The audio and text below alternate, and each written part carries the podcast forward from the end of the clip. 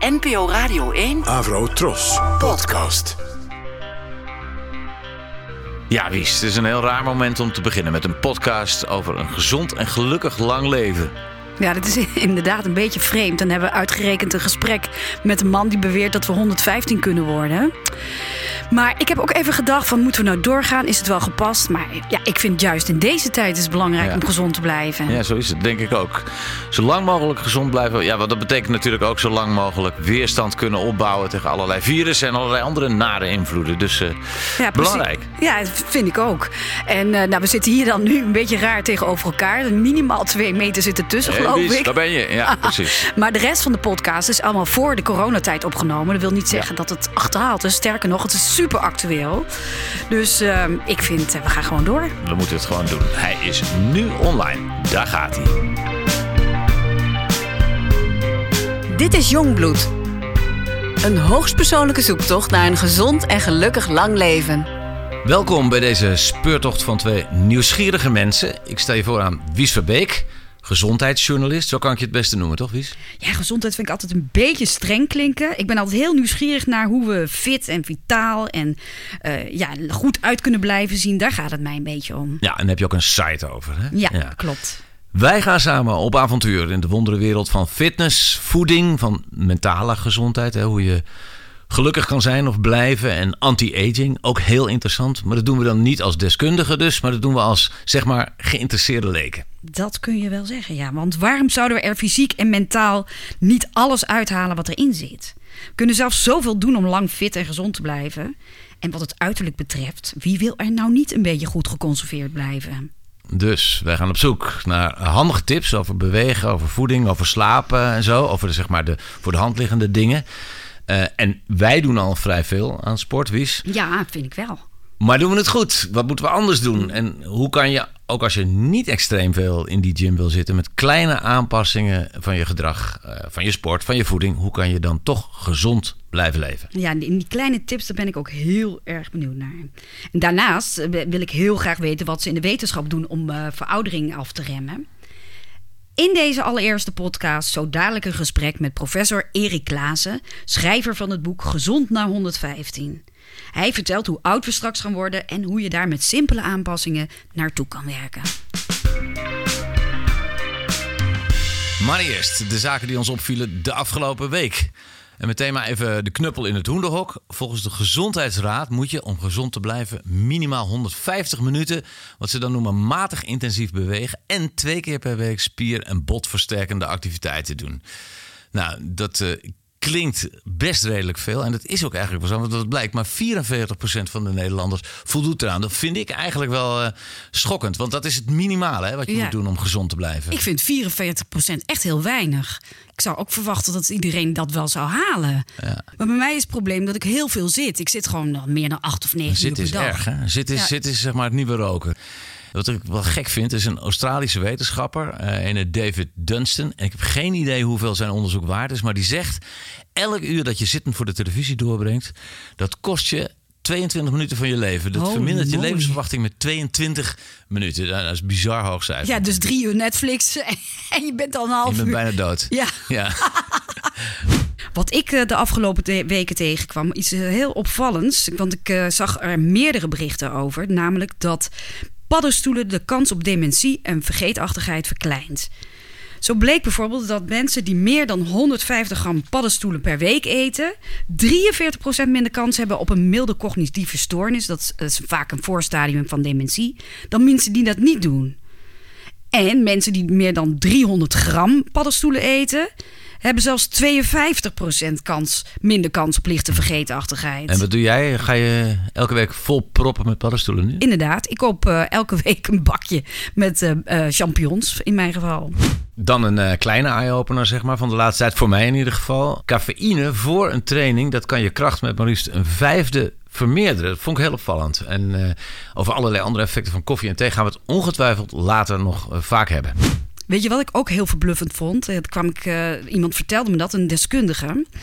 Dat, eh, je hebt toch heel veel poeders en pillen en zalven met collageen Mhm. erin. Overal in de supermarkt te verkrijgen. Want die eh, zouden de, de huid moeten helpen, stimuleren om het collageen aan te maken. Mooi elastisch blijven en zo. ja, precies. Nou, wat blijkt nu? Het is allemaal onzin. De crème, eh, als je die opsmeert, nou, die collageen kan helemaal niet door je huid heen. Die moleculen zijn veel te groot. Dus dat is sowieso al onzin. En al die pillenpoeders, nou, daarvan is helemaal niet aangetoond dat de collageen die daarin zit ook aankomt in je huid. Dus eigenlijk allemaal weggegooid geld. als je Dus ook al- of je nou smeert of slikt, maakt niet uit. Nee, dat is nog niet aangetoond eh, dat het eh, goed zou zijn voor je huid. Tijd voor ons hoofdgesprek met een man die alles weet van blauwe zones, gezonde darmen en een heel lang leven. Naam en functie. Erik Klaassen. Ik ben eh, hoogleraar eh, entrepreneurship, oftewel ondernemerschap. eh, en tevens immunoloog. Weet alles van Eh, Witlof. favoriete serie. Eh, Game of Thrones, maar die is helaas afgelopen.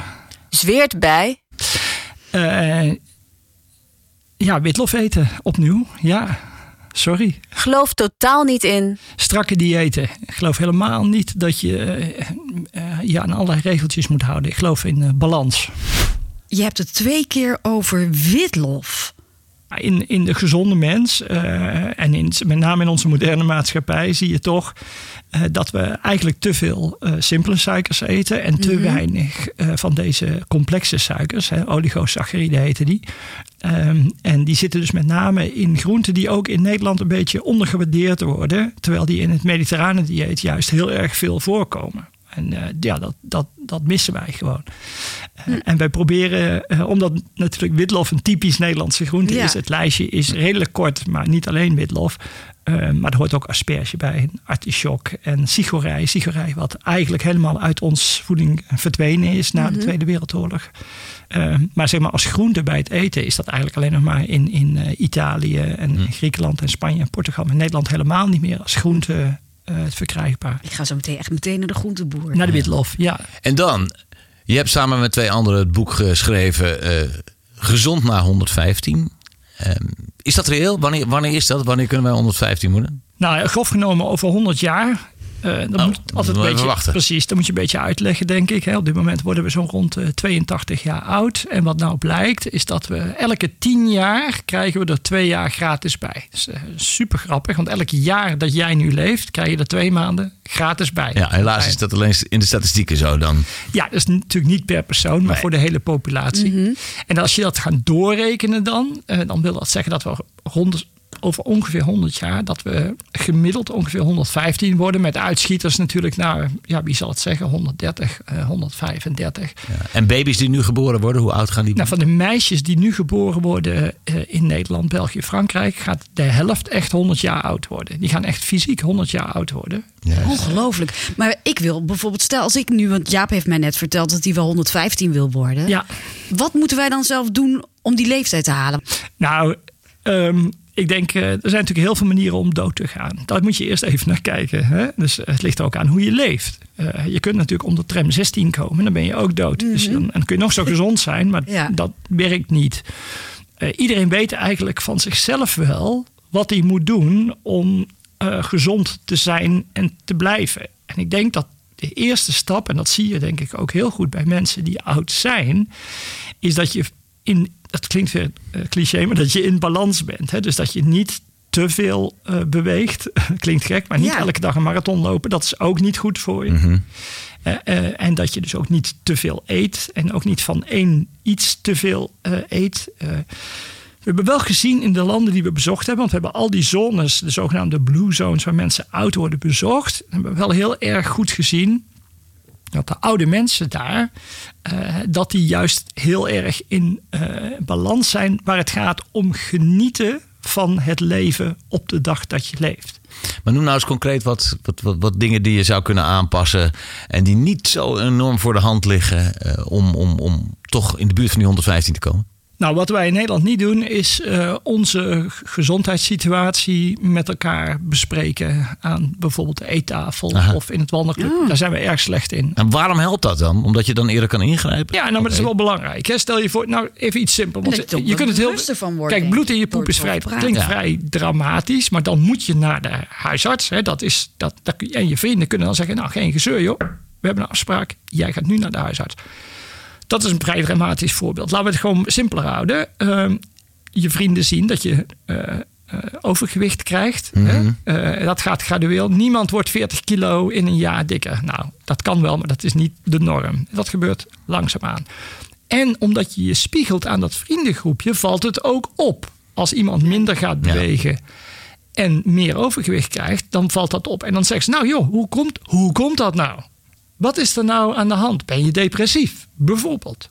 In Nederland weten we dat elk jaar tot 40% van de mensen één of twee keer een depressieve episode heeft. Die kan heel kort zijn, maar dat getal is wel schokkend. Die 40% van de mensen praten daar echt niet over met hun vrouw of met hun, sorry, met hun partner.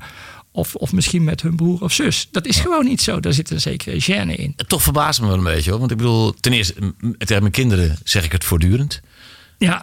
Hoe voel je, voel je wel goed? Ja, maar dat is meer uh, ook, ook, ook, mentaal. Ja, dat, ja daar, hou je, daar hou je van op de hoogte.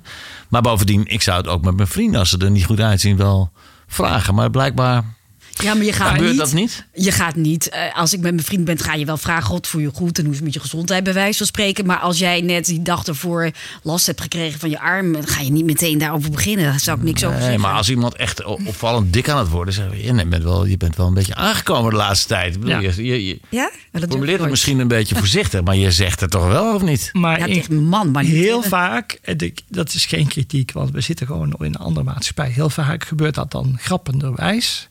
En wordt de boodschap toch niet, zeg maar, quote-unquote serieus genomen. Mm. En uh, ik denk dat we uh, dat wel moeten doen. Um, met je vrienden is het zelfs met je vrienden is het toch lastig om over hele delicate onderwerpen te praten. Hè? De, de, voorbodes van een hartaanval, de voorbodes van kolonkanker, de voorbodes van prostaatkanker. Die worden niet in een vriendenclubje besproken. Ook ja. niet grappenderwijs. En, en eigenlijk uh, zie je dat dus in die andere landen, dat men daar uh, bewuster mee bezig is. En. Nou, ik is- zeg helemaal niet beter Geloof hoor. ik. Geloof, Alleen als je het zelf al noemt, denk Ja. ik ook ehm, dat, het dan, dat je het dan niet wegstopt. Dus dat je er gewoon bewuster mee bezig Ja. bent. En behalve dat jij dus eh, met je vrienden over je problemen praat. Wat doe je nou concreet zelf meer om lang te leven? Nou, ik wil het eigenlijk niet anders zeggen. Want de vraag is natuurlijk, nadat we twee jaar bezig zijn geweest met Lisette en Heidi, eh, die dat boek geschreven hebben, om die eh, plekken in de wereld te bezoeken en te doorgronden, eh, heb ik daarna mijn levensstijl veranderd? En het antwoord daarop is ja. En dat is, nou, Ja, wat heb je gedaan? nou, ik, heb een, ik, ik beweeg veel meer en veel bewuster. Dan zul je zeggen, nou, oh, dat is raar, want dat weet je toch? Ja, nou, ik, weet, ik wist dat ik dat moest doen, maar ik deed het niet. en hoe nu- doe je het dan? ja. Wat doe je dan meer? Precies. nou, ik, ik let heel erg veel op dat ik. eh, ik heb meestal eh, eh, een Fitbit eh, aan, zodat ik ook weet dat ik aan die 15.000 stappen per dag kom. Zo'n stap- Ja, het was, 10, stappenteller. ja, het was 10.000 een stappenteller. En het is nu echt 15.000 wat iedereen wil. Dus, en soms dan. dus je als- bent uit Lelystad hier naartoe komen. nou ja, ik, ik, nou, dus op het Centraal Station ehm, stap ik niet op de tram, maar dan loop ik dat half uurtje Ja. naar hier toe. Nou, Ja. dat, dat hoeft niet, want ik kan ook een taxi pakken of de tram pakken. Of, hè, dat kan, van- maar dat doe ik dus niet. Dus je bent veel bewuster. Ik was altijd heel erg, eh, nou ja, ik zal bijna zeggen, eh, geïrriteerd door de suikermafia. Dus al die mensen die zo tegen suiker zijn, daar had ik zoiets van, nou, overdrijf niet zo. Nou, dat is in de afgelopen twee jaar volledig 180 graden omgedraaid. Ik zie nu Want jij echt... ziet suiker ook als het gif van deze tijd. Nou ja, en vooral, nou ja, vooral eh, dat is weer overdreven. Maar ik zie vooral dus de, het gemak waarmee wij suiker consumeren. Ook in fruit. Hè, want fruit is ook gewoon suiker. En dus eh, het is prima als je twee stuks fruit per dag hebt. Mhm. Maar als je dan ook nog vier fruitsmoothies eroverheen doet, krijg je gewoon te veel simpele suiker binnen. Ja. Ja. Dat was ik mezelf ook niet Nee, bewust. ik ook niet. Nee, Nee, nee. En, en, en Ik dacht altijd, hè, als je maar vers fruit eet of drinkt, Dat is altijd goed, maar dat Nee, is maar gewoon niet zo. hè. Er Dat is ook te veel suiker. zoveel verborgen Bizar. suiker. Daar word je echt helemaal niet lekker van. En daar wordt dus ook met name vanuit de diabeteshoek, hè, de, de suikerziekttehoek, sorry, eh, wordt daar ook heel Ja. goed op gewezen. Maar ik vond het altijd een beetje overdreven. Maar nu zie je ook, eh, ook in Japan bijvoorbeeld, zie je nu dat sinds de Japanners dus op een meer westers dieet van eh, minder groente eh, en meer Mhm. suiker zijn gegaan. Dat daar eh, diabetes type 2, ouderdomssuikerziekte, ook een Ja. gigantisch probleem aan het worden is. Nog groter dan hier. Maar merk je al eh, zelf verschil? Want je bent dus meer gaan bewegen en ook minder suikers gaan eten. Ja, en meer gefermenteerde voeding ook. Hè. Dus dat, dat, vind ik ook, dat, dat vindt iedereen ook leuk. Eh, witlof at ik al heel veel, want mijn kinderen zijn dol op witlof. En zeker als, ik, zeker als ik het maak. Maar wat voel je dan? Wat merk je Ja. nu dan? Ik voel me, precies. eh, dat, dat is een heel gek woord, maar ik voel me sterker. Ja, dan, iedereen gaat dan altijd lachen, zo "Oeh, sterker. Eh, maar het is echt zo. Ik, ik merk ook dat als ik eh, voor zaken op reis moet en dus weer eh, een week aan de biefstuk met friet zit in Amerika of zo en, en gewoon niet goed op mezelf let, dan merk ik ook dat het minder goed met me gaat. En Gebruik je ook speciale medicijnen of supplementen? nou, dat probeer ik dus te vermijden. Ik, ik, ik zal eerlijk zeggen dat. Geen supplementen? Nee, nee, nee. En ik vind ook zelf dat, eh, behalve dan de probiotica die ik neem, dus de levende Ja. bacteriën die ik neem.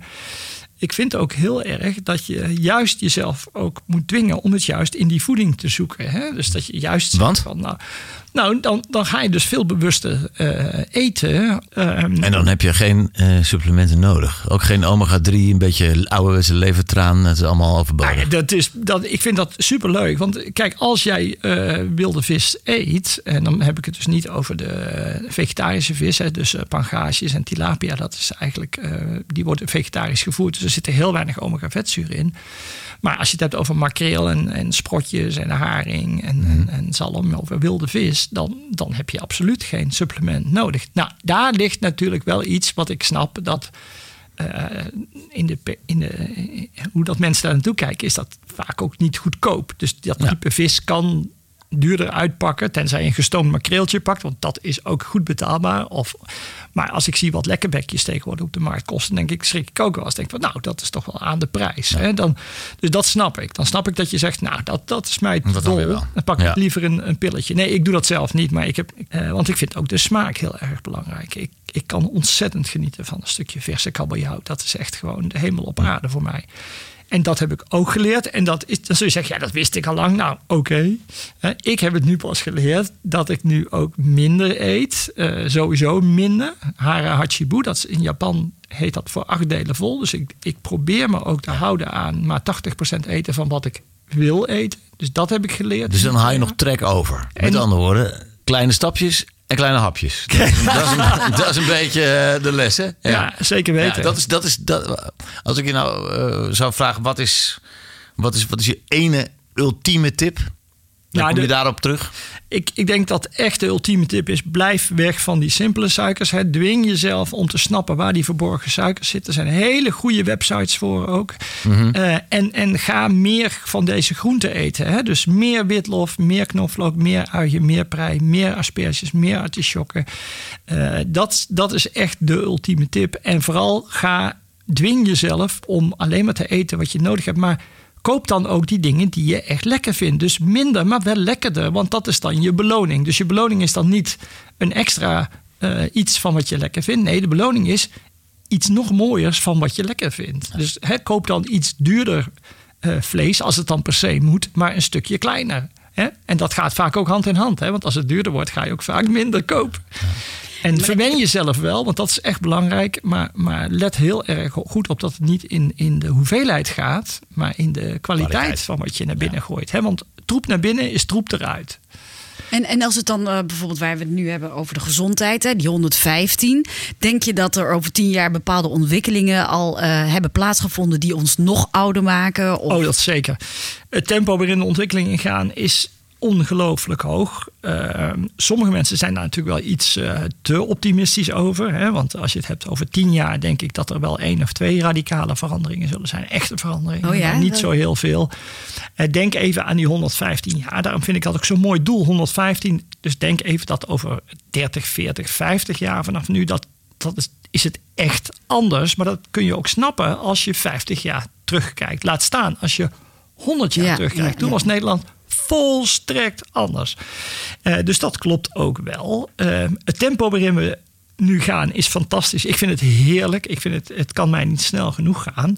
Eh, maar dat wil niet zeggen dat alle beloftes ook in dat tempo ingelost gaan worden. Hè? Kijk Maar wat, naar- wat, wat verwacht je dan aan ontwikkeling? Daar ben ik zo benieuwd naar. Kijk, de medische hè, eh, eh, wetenschap. Nou, alleen al tien jaar terug hadden we heel veel moeite om DNA van mensen te veranderen. En nu met CRISPR-Cas, wat ook natuurlijk weer een morele en ethische discussie is. CRISPR-Cas, het klinkt als een nou ja, we kunnen, we kunnen, men kan nu, ik niet, maar men kan nu eh, het DNA van de mens eh, ingrijpend verbeteren, zodat je weer een soort supermens maakt. Nou. Dat is moreel en ethisch heel lastig. En terecht vind ik ook heel lastig.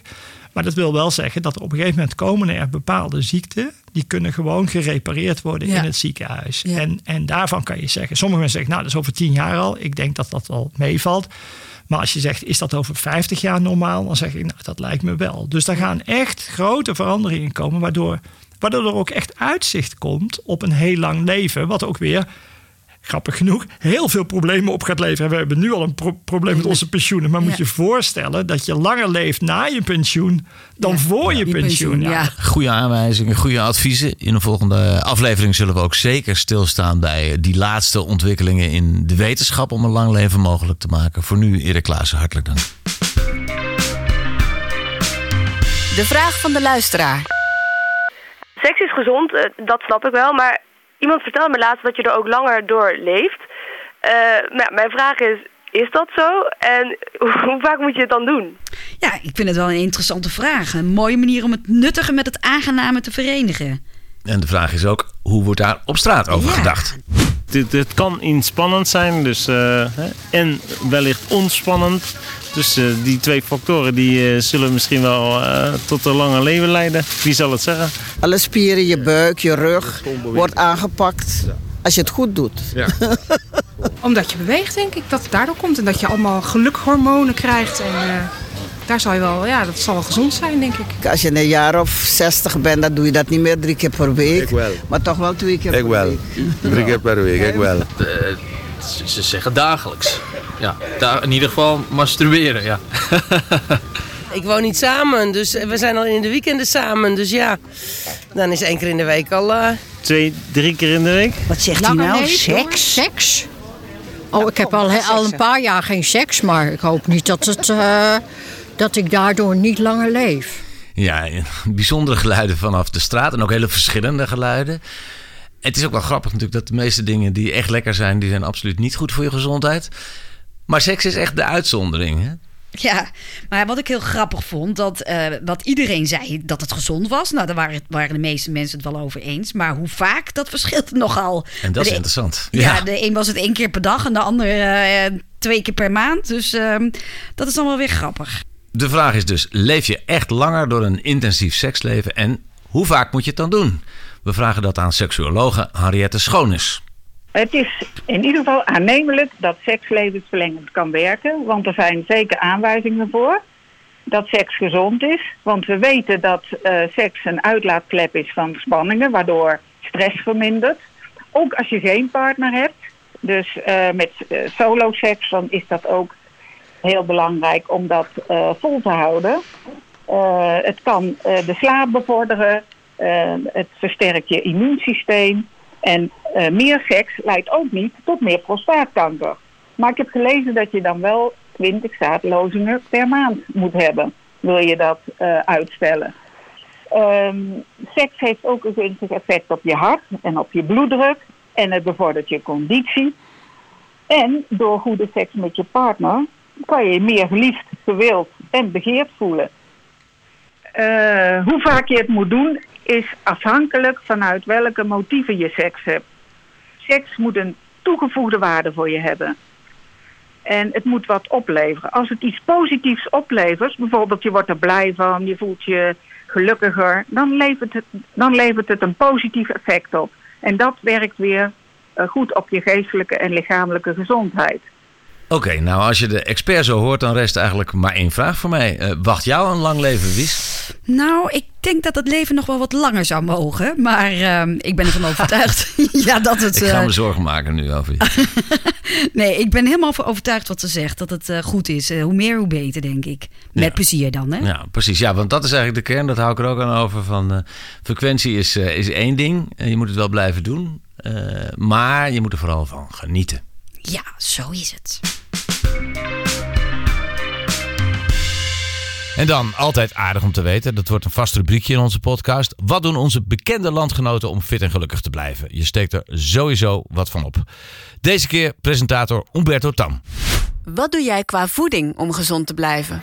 Uh, ik ontbijt bijna nooit. En als ik ontbijt, alleen met fruit. Uh, maar dat is niet eens bewust, maar omdat ik het lekker vind. Uh, ik gebruik nog steeds suiker. Maar ik doe wel iets minder suiker. Uh, dus ja, ik ben bewust. Maar ik ben niet uh, heel erg, laten we zeggen, nauwgezet bezig met gezonder eten. Ik ben een lekker eter, alleen ik eet van nature met mate. Op wat voor manier ben je bezig met sport? Ik train één keer per week, elke woensdag met, uh, met een personal coach. Uh, en daarnaast uh, train ik heel veel, of heel veel, regelmatig met mijn eigen lichaam. Dus ik heb geen gewichten of zo. Maar opdrukken, sit-ups, thuis. Maar ook op, hier heb je een stoel. Vaak, nou, dit heeft, deze stoel heeft geen handvatten. Maar soms dan ga ik opdrukken op een handvat terwijl ik aan het wachten ben. Weet je, dit soort dingen. Of je buikspieren aanspannen. Want ook dat aanspannen alleen al doet iets. Uh, ik fiets mijn zoontje, is 12, die fiets ik regelmatig naar school. Dus 20 minuten heen, 20 minuten terug. Um, ik neem liever de trap dan de roltrap. Uh, bijvoorbeeld. Dus eigenlijk doe best wel veel bewust. Nou, fotograferen. Nou ja, ik ga morgen naar Brazilië. Nou, dan heb ik een tas van 12 kilo. Ja, en dan soms uh, nou, naar de gorilla's. Dan loop je gewoon 2, 2,5 uur met die tas. Dus dan moet je wel een beetje fit zijn, anders red je het niet. Ik zeg altijd, ik hou mijn spieren een beetje wakker. Dus ik hoef echt niet intensief. Ik heb twee keer een marathon gelopen in mijn leven, verschrikkelijk. Nooit meer. Dus dat hoeft echt niet. Hoe zorg je dat je gelukkig blijft? Uh, geluk zit er een beetje in het tem temperen van je verwachtingen zonder dat je uh, ambitieloos wordt. Dus dat, dat, dat, probeer ik. Nou, en dat zit hem in van alles. Dat, dat zit in realistische doelstellingen. Met in, nu zitten bij de radio, radioprogramma. Dat zit hem in realistische doelstellingen met het fotograferen. Uh, televisieprogramma's. Uh, carrière überhaupt. Ja, carrière überhaupt. Doe überhaupt werk. Ik maak keuzes waar ik blij van word, ja. Van welke cosmetische behandeling ben jij een fan? Uh, nou, ik ga wel eens naar een pedicure of een manicure. En voor de rest niks. Uh, ik scheer mijn hoofd. dus wat is er? En, en ik, heb, ik heb elke dag. Ja het, is, het is, ja, het klinkt heel suf. Ik, ik smeer mijn huid elke dag in met uh, Nivea. Uit blauw blik. Dus al die dure potjes, allemaal. allemaal La Mer en zo heb ik ook gebruikt. En allemaal verschrikkelijk. Uh, maar uh, gewoon dat simpele Nivea gebruik ik al jaren. En dat, dat, dat vind ik echt voor mij en mijn huid het allerbeste. Ja. ik kan niet anders van maken. Voor de rest heb ik geen enkele andere schoonheidsbehandeling. Hoe hou je de seks op peil? De seks op peil? Um, nou, door uh, thuis heel lief te zijn. ja, daar moet je je best voor doen. Dat, ja, dat is, dat, dat, dat is helemaal zo. En dat gaat heel goed. Dat gaat echt heel goed.